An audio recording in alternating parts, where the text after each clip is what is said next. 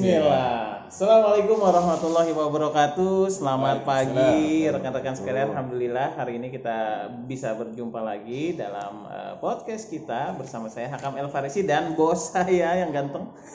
Siapa Pak? Rizky. Siap.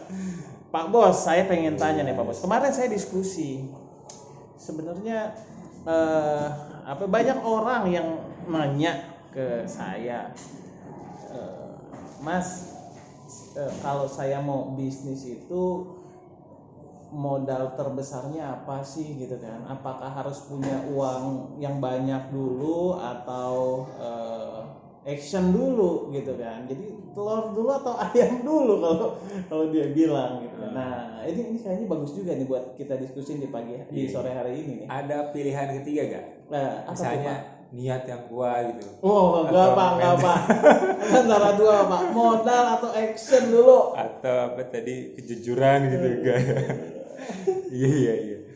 Ya kalau saya ditanya ya, saya termasuk saya itu termasuk orang yang eh, apa eh, learning by doing. Oh, oke. Saya itu orang yang learning by doing. Major saya matematik, Mm-mm. kemudian wah, ternyata ketika saya dan matematiknya murni ya bukan Hmm. eh, mathematic education Hmm. saya itu eh, Science, ya? science, Oh, matematik biasa science. ya. kemudian ketika ditanya sama teman-teman eh, waktu di kampus itu jurusan eh, matematik murni paling peminat itu cuma satu angkatan lima orang paling banyak 10 angkatan saya 10 Hmm. terus apakah saya, Perempuannya berapa Pak?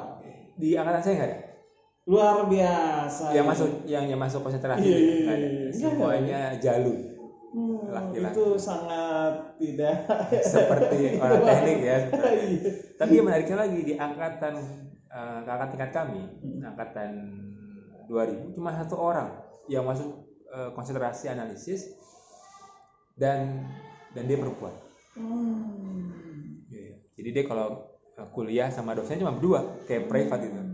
Ruang kelas itu gede cuma cuma cuma sendiri menarik ya karena memang eh, apa konsentrasi ini tidak terlalu digemari oleh banyak orang Hmm. Nah. Karena hitung-hitungan banget gitu ya. nggak ketemu angka pak simbol simbol Simbol. pertanyaannya begini kenapa contoh-contoh ya contoh ketika kami di awal-awal masuk mata kuliah ini bilang gini coba anda jawab kenapa satu lebih da- besar daripada nol Hmm. jadi kayak gitu kan Iya, pakai tanda simbolnya lebih besar Iya. gitu kayak dan B. itu gitu. ujungnya tanda tanya pak Set. satu lebih dari nol tanda tanya kenapa Hmm. kita jawab dari sononya kali Iya, iya. ya kan sederhana aja kan gitu anak-anak baru eh, belajar pertanyaan sudah fundamental Hmm. Nah, kemudian teman-teman yang di luar konsentrasi kami nanya, emang enak belajar kayak gitu? Iya, dan saya saya juga jadi kepikiran apa pentingnya mempertanyakan satu lebih besar daripada nol, Pak. Oh, mirip dengan itu kurang. kerja jadi apa, Pak? Artinya nggak jadi apa-apa juga. Pak. Bapaknya meremehkan. Tapi ini ini menariknya ya, ini menariknya bahwa ternyata ketika pun kami ditanya, saya, saya ditanya, emang apa sih Bang, ente masuk gitu buat apa deh? Mirip kayak tadi eh Kosaka bilang, emang urgensinya apa sih? Urgensinya memang apa? Ternyata memang dosen kami menyampaikan bahwa semua yang dipelajarin itu di Indonesia memang kurang eh, untuk mendapatkan eh, eksistensinya. Hmm. Tapi ternyata beliau menyemangati eh, orang-orang matematik murni itu harusnya harusnya punya mental eh, yang kuat karena setiap langkahnya itu punya dasar, punya argumen dan punya fondasi. Jadi ketika satu lebih dari nol itu sebenarnya tuh ada lebih kurang beberapa teori yang mendukung pernyataan itu. Hmm. Oh, iya. jadi kita bukan bahas uh, telur dulu ayam dulu, berarti nol dulu apa satu dulu, Pak? Kalau konteks Bapak nol dulu apa satu dulu nih, Pak? Yang diciptakan Tuhan. Nah, jadi sebenarnya awalnya kan berangkat dari saya itu orangnya termasuk yang tipe eh, learning by doing. Artinya Siap. ketika, saya tuh ketika masuk nggak bisa nggak ngerti juga apa mau belajar apa gitu. Beda mungkin dengan teman-teman yang memang sudah by design masuk sana. Saya nggak, saya masuk aja. Kenapa sih bilang ya karena pengen tahu aja gimana dalamnya gitu. Karena kalau aljabar saya mungkin sudah kebayang, komputasi bisa kursus di luar, Hmm. statistik banyak gitu kan. Hmm. Yang agak aneh analisis, saya masuk analisis. Hmm. dan ketika masuk ya ketemunya puyeng ya Pak. dan ya akhirnya lulus dengan satu skripsi yang judulnya judulnya nih Hmm. persamaan Rayleigh yang tereksitasi parametrik dan tereksitasi sendiri. Luar biasa. Ini pasti profesor. ini kajian profesor. Bahasa juga saya nggak ngerti. Bahasa saya Terus bapak Pak, nanya, bapak, bapak ngerti nggak? Enggak, saya sampai ini saya nggak ngerti. Oke, balik lagi. Jadi akhirnya saya menemukan bahwa ternyata eh, jalan dulu itu, kita dulu bilang kan modal dulu apa jalan dulu. Jalan itu eh, ternyata lebih menggerakkan. Dengan kita jalan dulu, akhirnya kita eh, ngerti, oh gue butuh belajar nih. Gitu. Hmm, Oh ternyata gue nggak ngerti nih, oh, kita ya udah kita baca bukunya hmm. kita tanya sama dosen kita tanya sama teman-teman dan di situ kita boleh nyontek pak kayak bapak bilang kan gitu. bahkan disuruh kerja kelompok pak ini tugas saran kerja kelompok gitu alhamdulillah soalnya susah. Di antara kelas-kelas iya di antara kami tuh akhirnya kerjanya harus bahu membahu. Bahu dia baca buku anu baca buku anu untuk mencari teori itu dapat dari mana. Nah akhirnya jawabannya adalah eh, modal dulu apa? Jalan dulu. Karena saya menganut prinsip learning by doing maka jalan dulu. Hmm, Jalan itu kan butuh modal. Atau jalan nggak perlu modal? dalam konteks usaha enggak.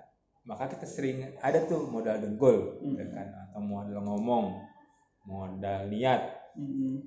baru kemudian turunan-turunannya banyak tuh modal-modal kemudian tidak berbentuk duit Hmm. ya. Yusuf eh, eh, calo kan juga mohon maaf ya calo kan juga tambah modal cuma modal ngomongan doang Hmm. apakah bapak bisa misalkan kita nggak punya mesin laundry nih Hmm. ternyata kita bisa bisnis laundry ya bisa banget kita cari cari apa namanya eh, baju-baju yang kotor kita bilang laundry di gue ya gitu kan ternyata kita ngelondrinya subkon ke yang lain Hmm. iya model-model begitu Hmm. nah dan setelah kemudian kita jalan lebih banyak kebuka Hmm.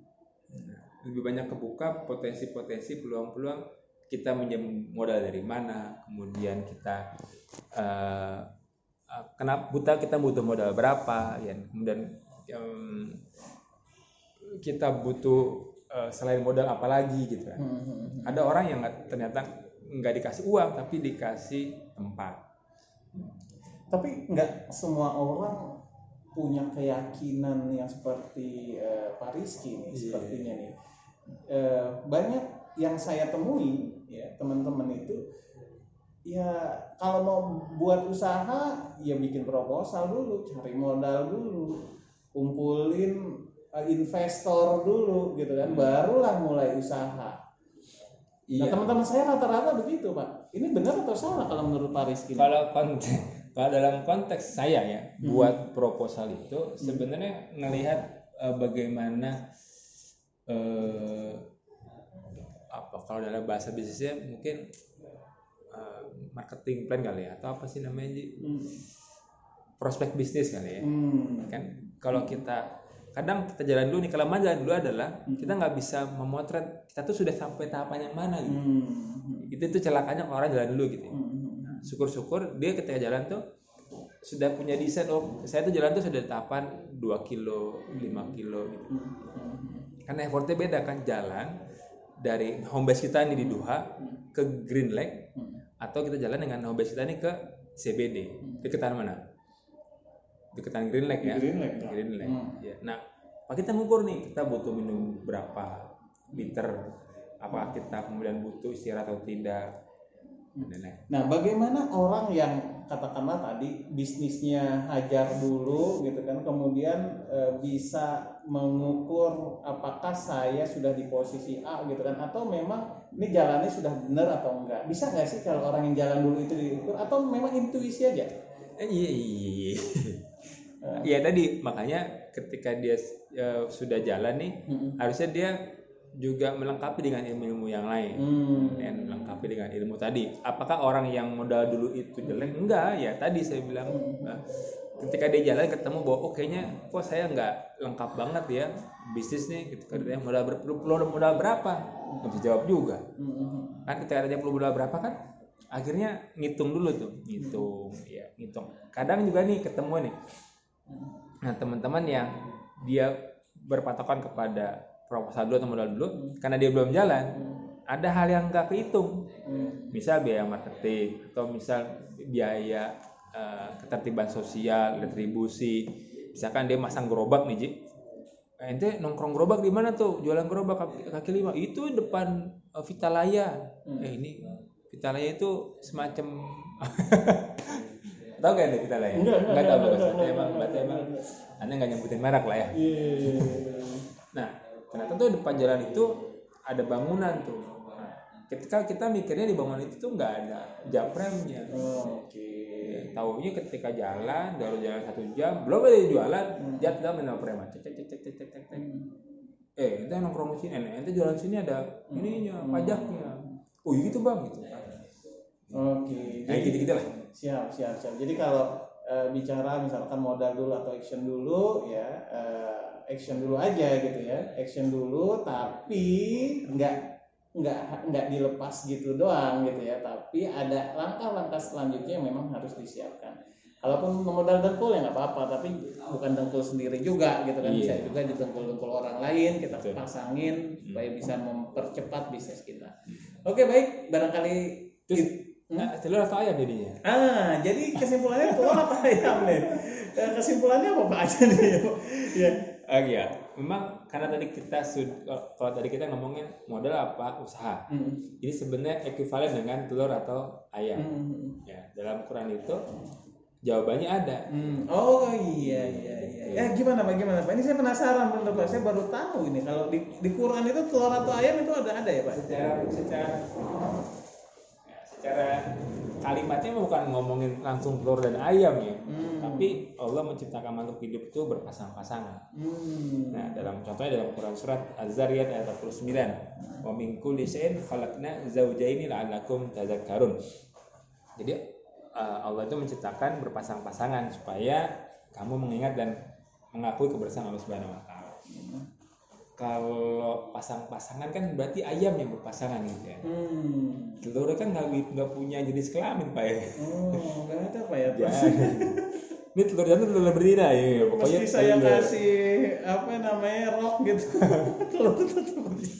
Nah, jadi kalau mengacu kepada itu, eh, saya tanya pilih telur atau ayam? Ya. Hmm. Saya eh duluan mana telur atau ayam? Ya duluan ayam. Duluan ayam. Memang dalam Qurannya bilang berpasang-pasangan. Masya Allah. Wah, ini menarik banget ini. Ini insight baru bahwa eh, di Al-Quran ternyata ada juga gitu kan penjelasan mengenai telur dulu atau ayam dulu. Nah, oke lah teman-teman semua. eh, kita cukupkan di eh, podcast edisi kali ini yang membahas antara telur atau ayam dulu gitu kan, modal dulu atau action dulu dalam bisnis. Semoga ada manfaatnya. Sampai ketemu lagi di podcast selanjutnya. Wassalamualaikum warahmatullahi wabarakatuh.